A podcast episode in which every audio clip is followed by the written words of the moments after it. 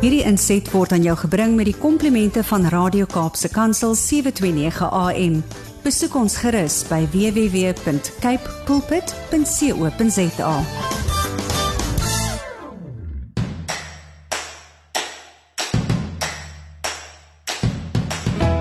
Dit is weer Saterdagoggend. Dit is die tweede naweek in Augustus. Dis nog 'n lekker winter in Suid-Afrika en die koue het vir ons weer kom verras. Hier en daar harder geslaan as op ander plekke, maar reg deur die land voel ons dat dit is uh daardie tyd van die jaar vir die dikker jasse, die lekker warm bed en uh as daar 'n ou plekkie is om 'n vuurtjie te maak om uh, rondom te sit en kuier, dan is dit nou die tyd om dit te doen. Dit is net na 7 vanoggend en u luister na Landbou Landskap op Radio Kaapse Kansel en uh, vir jou gerief kan jy na ons luister of op 729 AM of wêreldwyd op die internet. Hartlike goeie môre van my, Willem van Jaarsveld, jou gasheer tussen 7 en 8 elke Saterdagoggend. Nou in 'n landbou landskap gesels ons oor allerlei sake wat die landbou betref. Ons kyk so 'n bietjie wat uh, aangaan sover as moontlik in 'n wye spektrum van sake.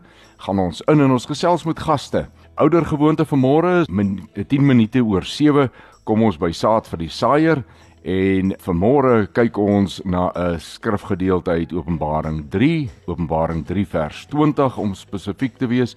Ons het ook gesprekke met uh interessante mense uit die landbou. Ons gesels met uh, Jan, Janu Taljaard oor 'n uh, mekanisasie. Ons gesels of nie gesels nie, maar dis 'n inset wat ek gemaak het wat Dr. Theo de Jager 'n bietjie met ons gesels het oor wat in die wêreld bespreek word sover as wat dit landbou sake is en ons sien dat dit baie ooreenstem met ons wel en weer hier in Suid-Afrika. En dan is daar 'n gesprek ook met meneer Andre Diedriks van Fabasa in hierdie tye wat dit moeilik gaan met ons boere, net so 'n bietjie inset van hom gekry oor hoe kan moeilike tye voorkom of oorkom word. Ons gesels met Frans van Nulls van Apex oor hoe Apex die belange van produsente en verbruikers beskerm. En dan sluit ons ons program af oudergewoonte met 'n storie van hoop en dit nadat ons ook gekyk het na Kapstok wat ook 'n bietjie na die nuusgebeure in landbou kyk. 'n Lekker vol program, iets om na uit te sien. Maak jouself rustig en luister gerus saam. Landbou landskap word aan jou gebring met die komplimente van Cape Pots varsprodukte mark. Ek nou jou graag om met ons te gesels deur middel van ons WhatsApp en Telegram nommer 081 729 1657 of stuur 'n SMS na 37988 en begin jou boodskap met die woord landbou. Ek vra weer, uh, laat my weet as jy self 'n storie van hoop het om met ander te deel of dalk weet jy van iemand wat so 'n storie of 'n getuienis het en geleentheid soek om dit met ander te deel. Stuur asseblief jou kontakbesonderhede of die persoon se kontakbesonderhede na die e-posadres patlangsgepraat@gmail.com. Patlangsgepraat is alles een woord en tik asseblief in die adreslyn die woorde stories van hoop en dan weet ons hoe om hom te hanteer. Ons gesels net hierna verder, bly ingeskakel.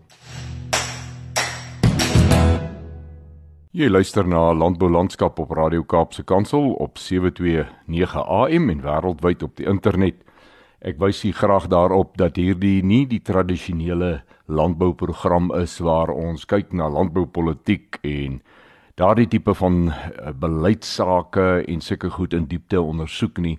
Hierdie is baie meer ehm um, ek wil amper sê 'n verbruikersvriendelike landbouprogram waar ons bietjie kyk na daardie sake wat nie altyd in landbou soveel aandag kry nie bloot omdat dit nou maar net nie in die hoofstroom opgeneem word nie. So as u na hierdie program luister, luister asseblief met 'n oor van kom ons kyk wat op die landboulandskap aangaan, daardie dinge wat nie so volop is nie.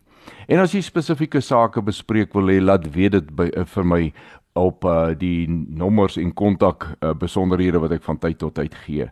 Vervolgens 'n stukkie musiek en daarna kom ons by vandag se saad vir die saaier en ons lees Openbaring 3 vers 20.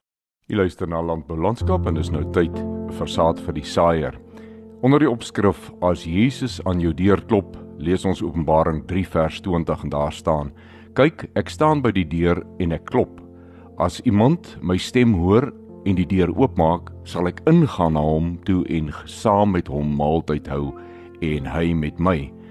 Hierdie belofte van Jesus is 'n ewige belofte. Dit geld vir ons ongeag die omstandighede waarin ons is. Ongeag waar ons bly, ongeag of ons wel af is of nie. Daar staan dat ons 'n deurslaggewende rol in hierdie proses het, die keuse om oop te maak of nie. Daar staan nie dat Jesus die deur sal oopforceer as hy sien dat die persoon hom nodig het nie. Daar staan ook nie dat Jesus met allerlei mooi woorde en leë beloftes voor die deur staan en my en jou probeer oortuig om vir hom jou hart se deur oop te maak nie. Daar staan dat hy klop en hy sê wie hy is, die een wat klop. En as jy sy stem hoor en oopmaak, kom hy in om met jou en my maaltyd te hou. 'n Teken van liefde en versorging. Die vraag is, in watter omstandighede is ons ore genoeg ingeskerp? vir sy klop of vir sy stem. Hoe hard moet hy klop en praat dat ons dit kan hoor? Sal ek ooit sy stem herken as ek dit hoor? Dit is opvallend dat hierdie mense wat deur diepe beproewinge kom, daarna net een begeerte in hulle het en dit is om Jesus en die liefde van Jesus aan mense te verkondig. Hy het waarskynlik nie harder geklop in hulle lewe nie, maar omstandighede het die geraas van opinies en gejaagdheid stil genoeg gemaak dat 'n mens in daai omstandighede sy klop en sy stem kon hoor. Kom ons bid. Jesus, dankie dat U vir ons lief genoeg is dat U by ons aanklop en aanhou klop. Dankie dat U nooit ophou klop nie. Dankie vir die belofte van versorging en vriendskap as ons ons hart se deur sou oopmaak vir u. Besny asseblief ons ore dat ons u klop en stem kan hoor en daarop reageer deur u in te laat in ons harte. Amen. Jy luister na Landbou Landskap. Hierna gaan ons kyk na nuusgebeure in die landbou uh, wat aandag trek. Jy weet daar is baie dinge wat daagliks gebeur op die landboufront.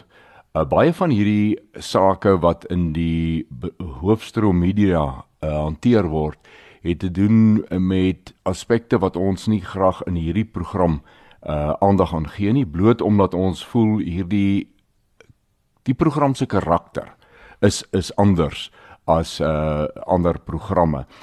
Dit is egter tog belangrik dat ons ook sal weet wat aangaan in ons gemeenskappe. So as daar van u die luisteraar is wat vir ons nuusbrokkies wil deurgee, doen dit asseblief by padlangsgepraat@gmail.com en ek sluit dit graag ook hier in. Net hierna is dit tyd vir Kapstok, bly ingeskakel. Dit het nou tyd geword vir ons gereelde insetsel Kapstok en kom ons kyk wat hang vanoggend op aan ons Kapstok. Ek het 'n berig in Marula Media gekry van Nico Strydom wat sê die opskrif so vorder pogings teen back and closure in in KZN.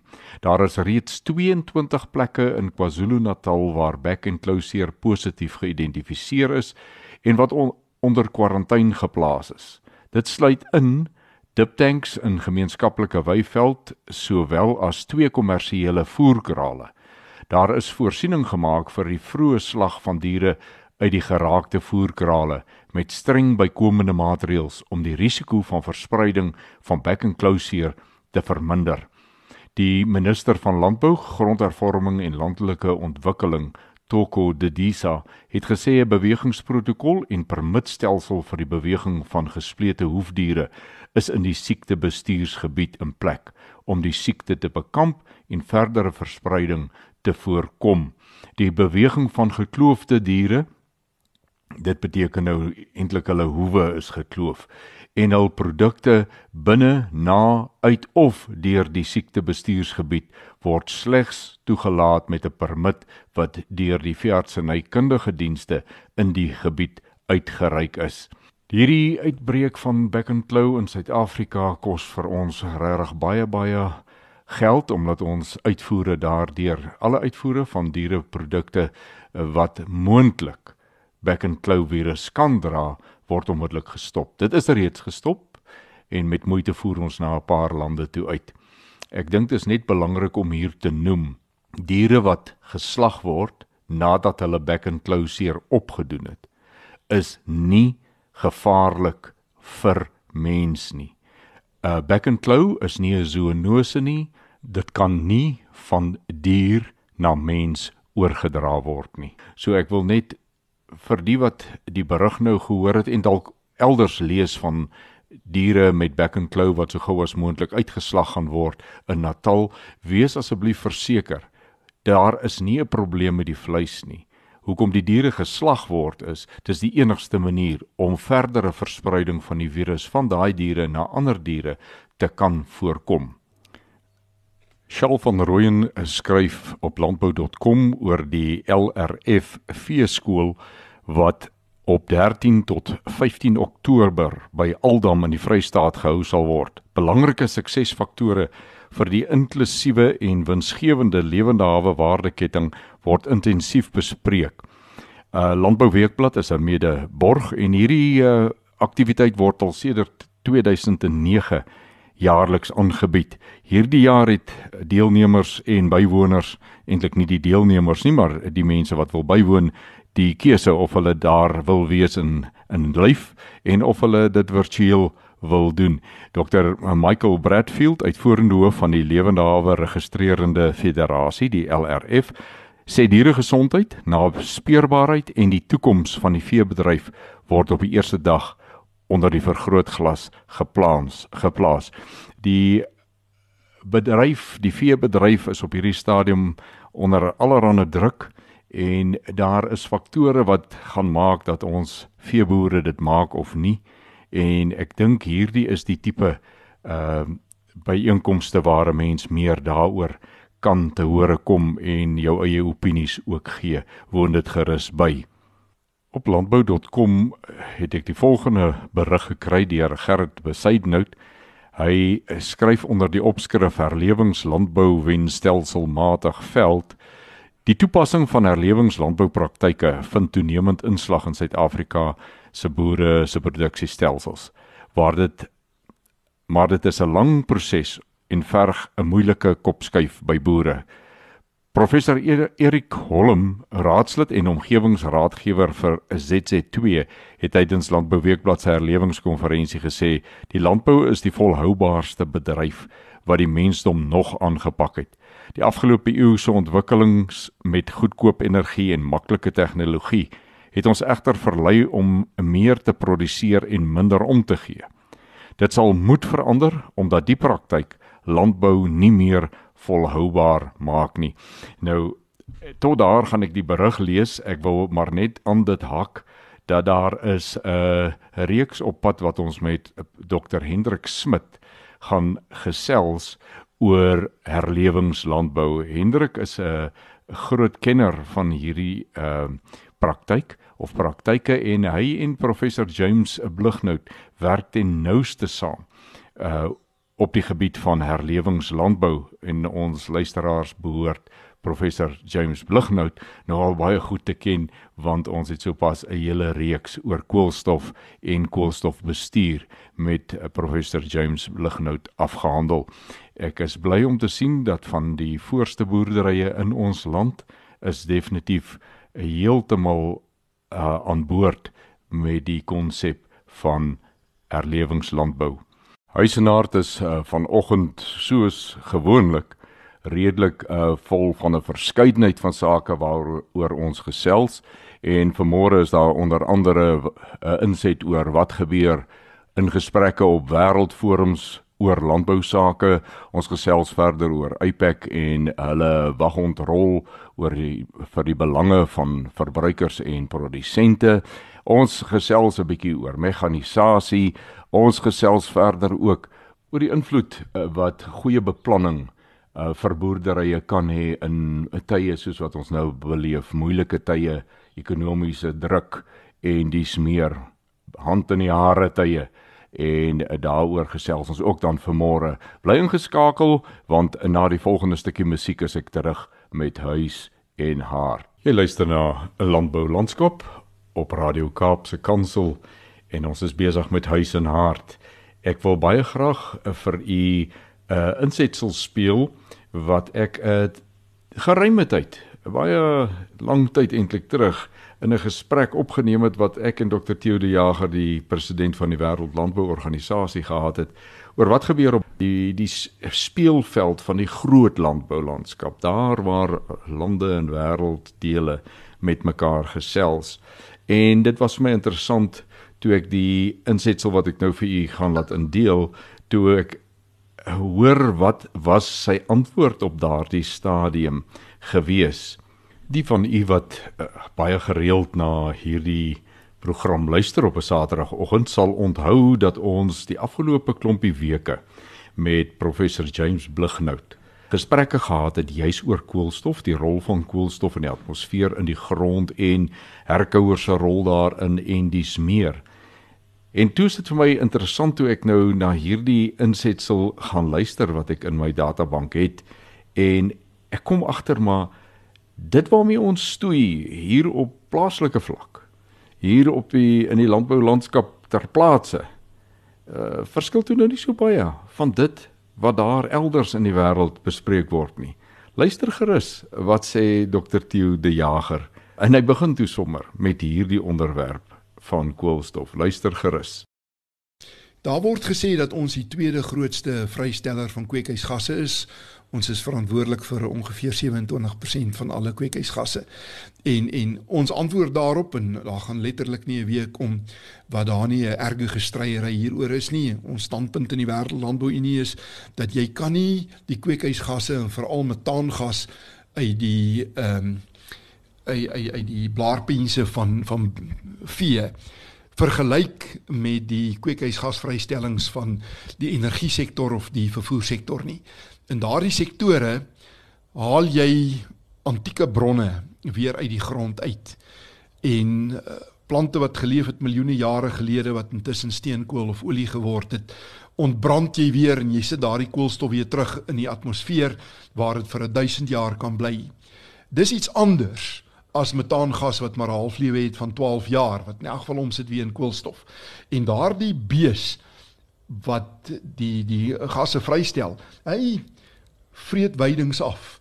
En daardeur stimuleer hy verdere groei, nuwe fotosintese en in die proses van fotosintese word daar weer koolstof uit die atmosfeer gehaal en teruggesit waar dit hoort onder die grond. So die sekwestrasiepotensiaal van beeste op weidings en ons nou praat ons van grasvretende ehm um, beesvleisproduksie is baie hoër as die kweekhuisgasvrystellings. So so ons beklei daaroor dat ons ons wil nie in dieselfde liga gemeet word nie. Ehm um, ek, ek ek het so onlangs soos Vrydag vir die voedsel en landbou unie gesê, dis bitter onregverdig dat julle ons wil oordeel in landbou net aan ons uitgawe kant van die balansstaat en nie ook kyk aan die inkomste kant nie. Ehm uh, dis net landbou wat eintlik koolstof kan sekwestreer ook. Maar dan sal natuurlik ook die debatte oor tegnologie en die rol van tegnologie veral in die toekoms van landbou en um, tegnologie praat ek nie net van mekanisasie nie ek praat van die rol van groot data kunsmatige intelligensie die internet van dinge robotika ehm um, die die tipe van ding wat mense onder 25 baie opgewonde maak en mense van my ouderdom baie bang maak maar wat waarskynlik die toekoms van landbou tot 'n groot mate sal dikteer. Nou ja, toe, dit is vir my baie lekker en sommer bevredigend om te hoor wat op wêreld landbouvlak aangaan die debatte en dis meer. En dan kyk ek op ons landboulandskap rond en ek sien ons is met min of meer dieselfde dinge besig. Dalk nie heeltemal so intens soos daar nie, maar ek is ook dankbaar dat ons stemme het wat inspraak daar kan lewer om ons Suid-Afrikaanse boere ook daar te verteenwoordig en ons stem daar te laat hoor. Ons sê baie baie dankie aan Dr. Theo de Jager uh vir sy uh, mededelings en ek dink ons kan elkeen nogal iets daarvan saam met ons neem op die pad vorentoe. Bly gerus ingeskakel. Ek is net hierna terug. In huis en hart het ons 'n reeks gesprekke met meneer Andrei Diedericks van Fabasa uitgesaai oor die belangrikheid van uh alles wat rondom gesonde familieboerderye gaan uh grondwet, opvolgplan en dis meer. En in die laaste tyd gaan dit baie rof met die boere se ekonomiese sake. En ek het, het ek hom gevra om so 'n bietjie 'n terugblik te gee op belangrike aspekte net as 'n verfrisser van ons geheue. En hier is Andrei se antwoord op my vraag: wat is die belangrike goed om te onthou? Ons sluit dan nou vandag hierdie reeks oor uh familieboerderye af uh en net ons in die vorige programme gekonsentreer op aspekte soos die grondwet en die opvolgplan en ander belangrike aspekte. Ons moet egter onthou dat daar altyd beheerbare en nie beheerbare veranderlikes is. Jou grondwet en opvolgplan is heeltemal binne jou beheer en daar's daar is dus nie 'n verskoning nie. Jy moet dit voltooi. Dit is belangrik. Om die plans vir toekomstige generasies te bewaar is dit noodsaaklik dat hierdie twee prosesse in plek is. Maak dit seker dat dit gebeur. Jy moet egter ook beplan vir onbeheerbare veranderlikes, iets waaroor jy nie beheer het nie, soos byvoorbeeld ongewone moeilike ekonomiese tye of droogtes. Jy moet beplan vir moeilike tye want as jy nie beplan het nie, dan gaan jy regtig in die moeilikheid wees in moeilike tye. Onthou, as ons faal om te beplan, dan beplan ons om te faal. Ek gebruik die analogie van 'n boom in my boek Veldwysheid wat vir ons hierdie aspek uh, leer. 'n Boom gooi sy blare af as in 'n seisoen gaan waar daar nie reën is nie want die blare stoor ook water en die boom wil oorleef so hy maak seker dat al die water net vir sy wortelstelsel beskikbaar is. Net so moet jy ook leer om te beplan wanneer dit goed gaan as daar sogenaamd reën is sodat jy deur die droogte of ekonomiese tye ook kan oorleef. Daar's twee dinge waarop ons moet fokus. Die eerste ding is wat ons moet vermy en die tweede ding is wat ons moet vermag. Nou as ek praat van wat ons moet vermy, dan kyk ek al na die veral na die drie skuldsondes. Die eerste een is gierigheid. Do I need more, do I greed more? Op Amerikaanse dollar staan daar geskryf in God we trust. Moenie dat daai ding verander na in greed we trust nie. Gierigheid laat jou dinge koop wat onnodig is. Die tweede skuldsonde is impulsiewe aankope. Daai goed wat ons impulsief aankoop wat ons nie regtig vir beplan het nie en wat eintlik onnodig is. Uh dit laat my baie dink aan jy stap by 'n winkel in om 'n paar skoene te gaan koop en dan stap jy met 10 rokke of dinge daar uit pas op vir daai impulsiewe aankoop. Die derde een is 'n groot probleem in die wêreld. Die wêreld het verval in die die sonde van nie spaar nie. Hierdie sogenaamde onmiddellike behoeftebevrediging, instant gratification. Ons koop ons nou en dan betaal ons later. Dis 'n verkeerde manier van dinge doen. Dit laat my dan nie saambou advertensie in die ou dae dink wat gesê het vlieg nou en betaal later. Ons moet dit vermy. Wat ons moet verwag is die teenoorgestelde van skuld en dit is dat ons moet leer spaar en dit moet ons dissipline raak. Die eerste les is om te leer om jou gemaksones te vermy. In goeie tye raak ons maklik laks of lei en vergeet dat dit nie noodwendig altyd goed sal gaan nie. Ons moet dus beplan en spaar vir moeilike tye want dit sal een of ander tyd kom. Ek het hierdie ding in jaar 4 oorgekom want aan die einde van jaar 3 het 'n groot finansiële instelling my 'n kontrak aangebied om aanbiedings te gaan doen die volgende jaar met my uh, lesse uit die natuur op die besigheidsoorwat. Maar Desember daai jaar te maak hulle daai afdeling toe in die organisasie. En so begin my nuwe jaar toe met geen besigheid op uh, in op die boeke nie want ek het nie bemark nie en het my 'n goeie 3, 4 maande gevat om weer aan die gang te kom. Gelukkig het ek gedoen wat ek myself leer en ek het in die tye wat dit goed gegaan het, het ek gespaar so ek kon daai tydperk oorleef. Tweedens moet ons leer om nie al ons eiers in een mandjie te plaas nie. As jy voortdurend al jou wins in goeie jare op verkeerde dinge spandeer of alles terugplus in ploeg in jou boerdery, dan het jy 'n denkbeeldige een mandjie sonde vir jouself geskep. Jy moet dus leer om te spaar buite jou boerdery. Sodat jy jouself kan dra deur tye wat moeilik is binne in die boerdery. En dit is baie belangrik dat ons hierdie dinge moet doen. Ek praat ook altyd oor uittreëings aan die tye wat belangrik is want Dis 'n vorm van spaar wat jou dwing om te spaar en jy kan nie daai geld vir enigiets anders gebruik as vir aftrede nie. En en dan natuurlik word dit ook beskerm teen enige skuldeisers, so niemand mag daaraan vat nie. Onthou wat jy saai, sal jy maai. As jy die gebrek aan spaar saai, sal jy die gebrek aan fondse vir oorlewing maai. As jy egter spaar saai, sal jy daaruit kan oes in moeilike ekonomiese tye. Die aanleiding wat kundiges ons gee is dat jy genoeg moet kan spaar om ten minste 6 maande vir jouself te kan dra sonder enige inkomste. Ek uh, bid julle alles seën toe. Ek weet uh, landbou is nie altyd maklik nie, maar dit is noodsaaklik. En uh, mag God julle seën. Net hierna gaan ons aan met huis en hart bly ingeskakel. Ons praat vanmôre weer met meneer François Nulls. Hy is die uitvoerende hoof van Apex. Goeiemôre François. 'n Goeiemôre Willem en luisteraars. François, ons het nou al 'n hele paar gesprekke met jou gehad en jy het vir ons baie mooi vertel van Apex en hulle doen en late. Maar die volgende wat ek graag by jou sal wil weet, was dit al ooit nodig dat Apex produsente se belange moes beskerm? En watter voordeel het dit vir die produsent ingehou? Willem, ja, dit is ongelukkig baie nodig en is op 'n gereelde basis nodig. Die ernstigste optrede wat ons geneem het uh, redelik onlangs was in 2018 toe ek genoodsaak was om drie markagentskappe te sluit. Dit beteken ons het hulle heeltemal uit bedryf geplaas. Nou wat ek net verduidelik wat is 'n markagent? 'n Markagent is 'n geregistreerde uitakagent wat dan namens 'n boer sy produkte bemark op 'n varsprodukte mark. Die gevalle waarna ek verwys, het die agente ongelukkig uh, bedrog gepleeg en dit was nodig vir Apex om in te tree en die nodige dissiplinêre aksies te neem. Die aksies wat ons neem sluit in ons sal die deure van die agente toemaak.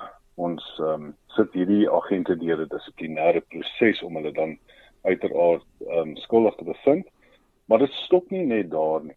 Ons neem dan die aksie om die skade wat die boere gely het. Ons staan in vir daardie skade. Dis nou die finansiële skade en hmm. ons sal daardie boere vergoed deur alles wat hulle ben, uh, mee benadeel was ten volle uit te betaal.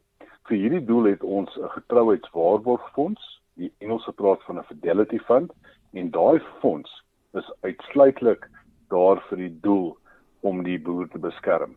So die rol wat ons hier speel is 'n baie belangrike rol en en dit is absoluut tot voordeel van die boer. Daar is vir die boer 'n vangnet in die bedryf en dit is Apex. Met ander woorde as iemand met sy hardverdiende inkomste, dis nou sy produkte wat hy deur 'n bemarkingskanaal bemark. Die voorwaarde is hy moet 'n geregistreerde Apex agent gebruik. Hmm. Sou daar dan iets voor uh, iets verkeerd gaan met die bemarking, met die optrede of met die etiese ehm um, gedrag van die agent, dan tree ons in en ons beskerm die boer. Die laaste ding wat ek daaroor graag wil noem is dat indien 'n uh, agent by 'n boer steel. In my oë is dit 'n verskriklike oortreding. En ons is dan ook uiteraard genoodsaak om die nodige um, kriminele optrede te neem teen so 'n agent. So ek dink die boere daar buite moet verstaan dat indien iets verkeerd gaan en hulle gebruik 'n geregistreerde agent by Apex, ons sal seker maak dat daar 'n etiese pad gestap word. Ons sal seker maak dat hulle geld en hulle um lewenslyn of inkomste beskerm word en ons sal dan ook die nodige aksies neem om seker te maak dat hierdie agente wat nie in belang van die bedryf optree nie en hierdie agente wat nie die boer se belang beskerm nie dat ons hulle met hulle die nodige aksies sal neem om te verseker dat hulle nie verder in hierdie pragtige bedryf van ons funksioneer. Vir ons wel eh, ek ek het 'n voeltjie hoor vlei dat hierdie optrede wat jy nou gepraat in die getrouheidsfonds en dis meer is by vars produkte agente al ingestel, maar dat dit ook gaan kom vir lewenawe agente, is dit reg so? Willem, dis korrek. Ons het die wet in samewerking met die departement van landbou. Ons het baie hard aan hierdie wet gewerk saam met die departement en ons het 'n uh, konsepwetswysigingsvoorstel um ingedien by die parlement en hierdie wysig wysiging word tans um oorweeg. Dit sal waarskynlik binne die volgende 6 maande um weer lewe kry en ons sal weet wat is die pad vorentoe daarmee. Die belangrike gedeeltes van die wysiging sluit in dat ons ook 'n getrouheidswaarborgfonds wil vestig vir uitvoeragente en dan ook vir lewende hawe agente. En dit is net belangrik om te noem dat hulle ook deur uitplek gereguleer word. Maar tans is hierdie beskerming vir die boer nie in plek nie. So die die ons poog om met hierdie wysiging dit in plek te kry. Baie dankie vir hierdie inset uh François Nouls van Apex en volgende keer gaan ons 'n bietjie kyk na wat behels sulke dissiplinêre aksie en uh, wat die tribunaal is wat ingestel gaan word vir lewende hawe agente. Baie baie dankie vir jou tyd. Net hierna gaan ons aan met huis en hart. Bly ingeskakel. Vanmôre in Huis en Hart gesels ek met 'n mekanisasie spesialis Janu Taljard. Goeiemôre Janu. Hallo, goeiemôre. Hoe gaan dit met julle? Nee, hier by my gaan dit baie goed en uh hier waar ek nou met jou gesels, weet ek as jy in Caledon nie in Piketberg waar jy bly nie, maar ek het vanmôre vir jou 'n vraag. Ons praat in landbou baie maklik van mekanisasie. Maar wat praat ons van as ons daai woord gebruik? Wel man, uh as ek op by mekanisasie, mekanisering, uh dink ek uh, om nou 'n uh, wye perspektief gou eers te stel is die woord mekanisasie of mekanisering, wat beteken dit nê? Nee? En ehm um, mekanisasie basies in 'n neutedop beteken om iets in te stel of iets ehm um, te, te te kry wat outomaties vir jou 'n taak of 'n werk verrig, basies om jou lewe dan nou makliker te maak.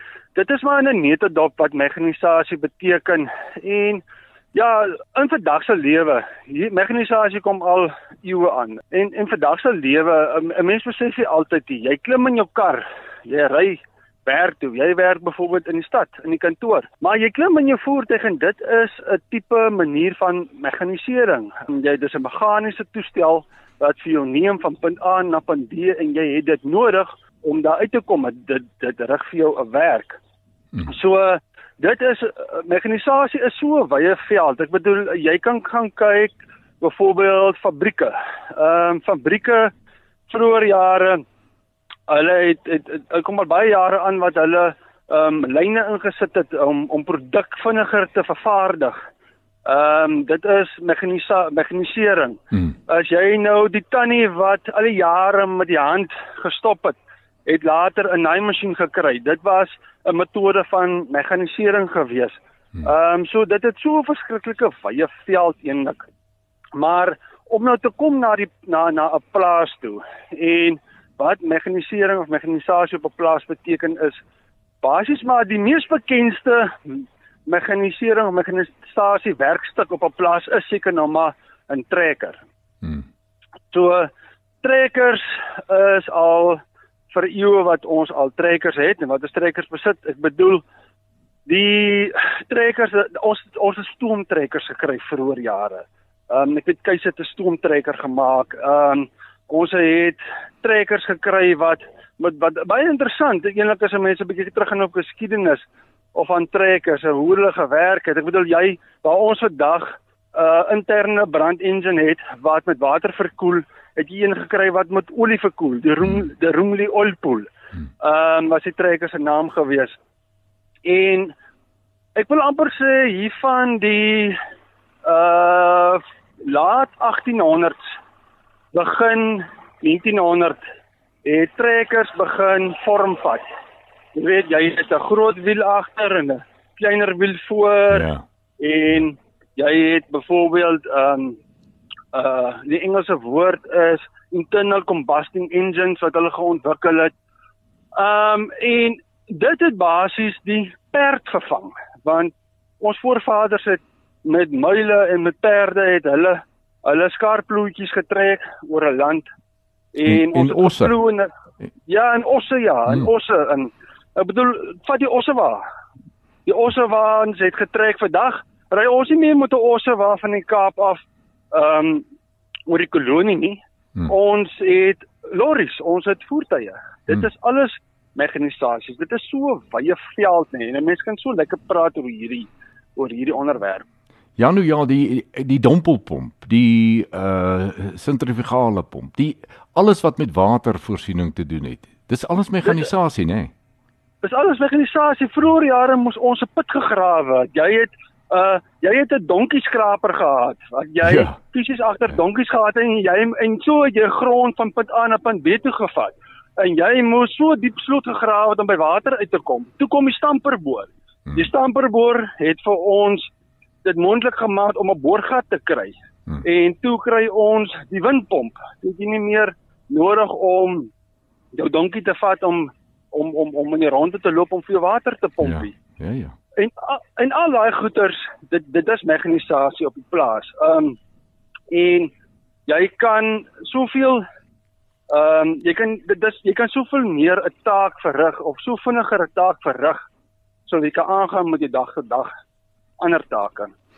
Nou Janu, uh, jy het dit reeds gesê, hierdie is 'n diep en 'n baie omvattende onderwerp en jy het reeds te kenne gegee dat jy sal deelneem aan 'n reeks van programme waar ons oor verskillende fasette van mekanisasie gaan gesels. Ek sê vir jou baie dankie vir vanoggend, dankie vir jou bereidwilligheid vir die toekoms en mag jy baie geseënde dag hê daar waar jy is. En baie dankie en dankie vir julle vir hierdie geleentheid. Ons waardeer dit regtig hier van Vansby se kant af. Bly ingeskakel, ons gaan net hierna aan met huis en hart. Dit het nou 'n tyd geword vir ons gereelde stories van hoop en vanmôre deel ek graag met u 'n paar gedagtes onder die opskrif krisis of geleentheid. Dit is uh, vir my 'n voorreg om uh, amper op 'n daaglikse basis gesprek te voer met leiers uit die landbougemeenskap, uh leierboere, gewone boere, boere wat sommer net baie suksesvol is daar waar hulle is op 'n klein skaal en ook te gesels met die bankwese se gurus. Ek gesels van tyd tot tyd ook met landboubesighede se uitvoerende beamptes en so ook uitvoerende beamptes van ander instansies wat die landbou bedien. En dit maak nie saak hoe ons hierdie gesprekke begin nie. Maar erns in die gesprek, in die kuier, of ons nou koffie drink en of ons same ete het, eh, kom daar altyd hierdie punt op en dit is jong, hoe gaan dit nou uh in hierdie krisistye? Hoe het COVID-19 julle beïnvloed? En weet u daar is een sinsnede wat ek baie gereeld hoor.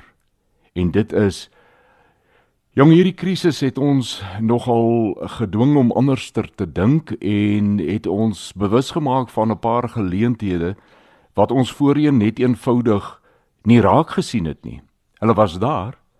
Ons kon al lankal reageer het en gedoen het soos en wat ons nou doen. Maar ons het dit net nooit gedoen nie. Maar hierdie omstandigheid het ons gedwing om weer 'n bietjie terug te gaan na die tekenbord, te gaan kyk hoe ons sake benader. Skielik het ons personeelbestuur verander. Skielik het ons behoefte aan ruimte in kantore verander. Ons het skielik tegnologie begin gebruik wat ons nooit gebruik het nie of tegnologie wat al lankal deel van ons lewe is. Het ons nou anders begin benut. Ons het fasette begin benut wat ons net nooit gedink het nodig is nie. En ons het stelsels ontwikkel wat toe dit klaar is en aan die werk is en ons personeel dit verstaan, ons het skielik 'n nuwe wêreld geskep wat dit vir ons almal baie makliker maak en baie meer effektief maak. Inteendeel, uh in baie opsigte gaan dit nou met ons baie beter as ooit. En ons is dankbaar dat iets ons gedwing het om hierdie skuwe te maak. En dan is dit altyd vir my verblydend om te dink dit wat 'n gesprek kon wees oor hoe sleg dit nou gaan en hoeveel eh, van hierdie drama ons het en hoeveel hier verloor is en hoeveel ons on uh, vermoë uh, ons gaan nie gaan toelaat om verder te bestaan nie sit net so om in 'n baie positiewe gesprek en sê mense vir mekaar en ons verwag dat hier nog 'n paar aanpassings gaan kom want as ons terugkyk na die afgelope tyd dan sien ons 'n enorme vooruitgang. En ons is eintlik opgewonde. Ons het ons strategiese plan vir die volgende 5 jaar het ons weer teruggevat na 'n herbesinning, 'n herbeplanning, 'n ander operasionele uitvoering. En mense is eintlik opgewonde oor dit wat in die toekoms kan lê en wat hulle glo wel daar gaan lê, want hulle gaan dit maak gebeur vanweë dit wat hulle geleer het die afgelope tyd. En dan vat ek uit sulke gesprekke altyd iets vir myself. Ek het gesien dat ek was besig met 'n per persoonlike projek, redelike projek en hier vat COVID-19 my na die intensiewe sorgeenheid van 'n hospitaal. En skielik is daar 'n tyd van krisis vir my want wat word nou van al die beplanning en al die uitvoering en daar's tydskedules en dis meer. En die volgende oomblik toe ek by die hospitaal kom, toe vind ek dat omdat tydskedules verkort is, het ek my optrede beplanning verander en was die uitkoms beter as die oorspronklike beplanning.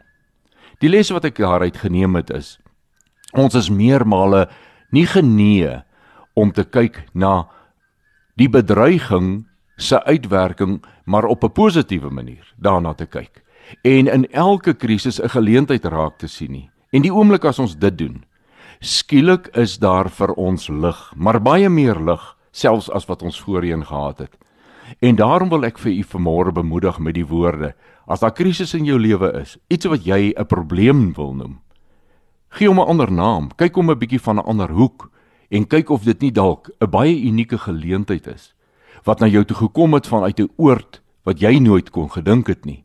Maar bloot omdat jy dit nie kon dink nie, is dit nie noodwendig dat dit 'n realiteit is nie. Dis gewoonlik ons houding teenoor 'n saak wat die uitkoms, die verloop en dan die uitkoms bepaal. So ek wil u vanmôre hoop gee, ook in krisis is daar geleentheid en veral in krisis is daar geleentheid maar kry die denke reg, kry jou hart ingesteldheid reg, die houding teenoor dit reg en kyk of dit nie 'n verbetering bring. Dit wat jy geglo het, eintlik 'n terugwaartse stap is, word jou grootste stap vorentoe. En daarmee kom ons alweer aan die einde van ons kuieruurtjie. Is vir my altyd interessant hoe vinnig hierdie tyd verby vlieg. Saterdagoggende tussen 7 en 8 lyk vir my is nie heeltemal 'n uur lank nie. Dankie dat jy saam gekuier het. Uh, vertel gerus die mense om jou, jou bure, jou familie, jou vriende van ons program en onthou as hulle nie in die bedieningsgebied van 729 AM is nie, kan hulle nog steeds op die internet na ons luister. Dis baie maklik. En baie dankie aan Cape Pots varsprodukte mark wat landbou landskap elke week vir ons moontlik maak. Onthou om met ons te gesels op ons WhatsApp en Telegram op die nommer 081 729 1657 of per SMS by 37988 of jy kan ook op ons padlangsgepraat@gmail.com met ons gesels. Maar onthou om altyd die woord landbou en op 'n Gmail moet jy sê stories van hoop en dan stuur jy dit vir ons deur en ons werk daarmee. Tot ons weer saam kuier volgende Saterdag om 7uur groet ek Willem van Jaarsveld en mag jy elke oomblik Vader se guns op jou lewenspad beleef. Bly gerus ingeskakel by Radio Kaapse Kansel want ons volgende program begin net hierna. Wederom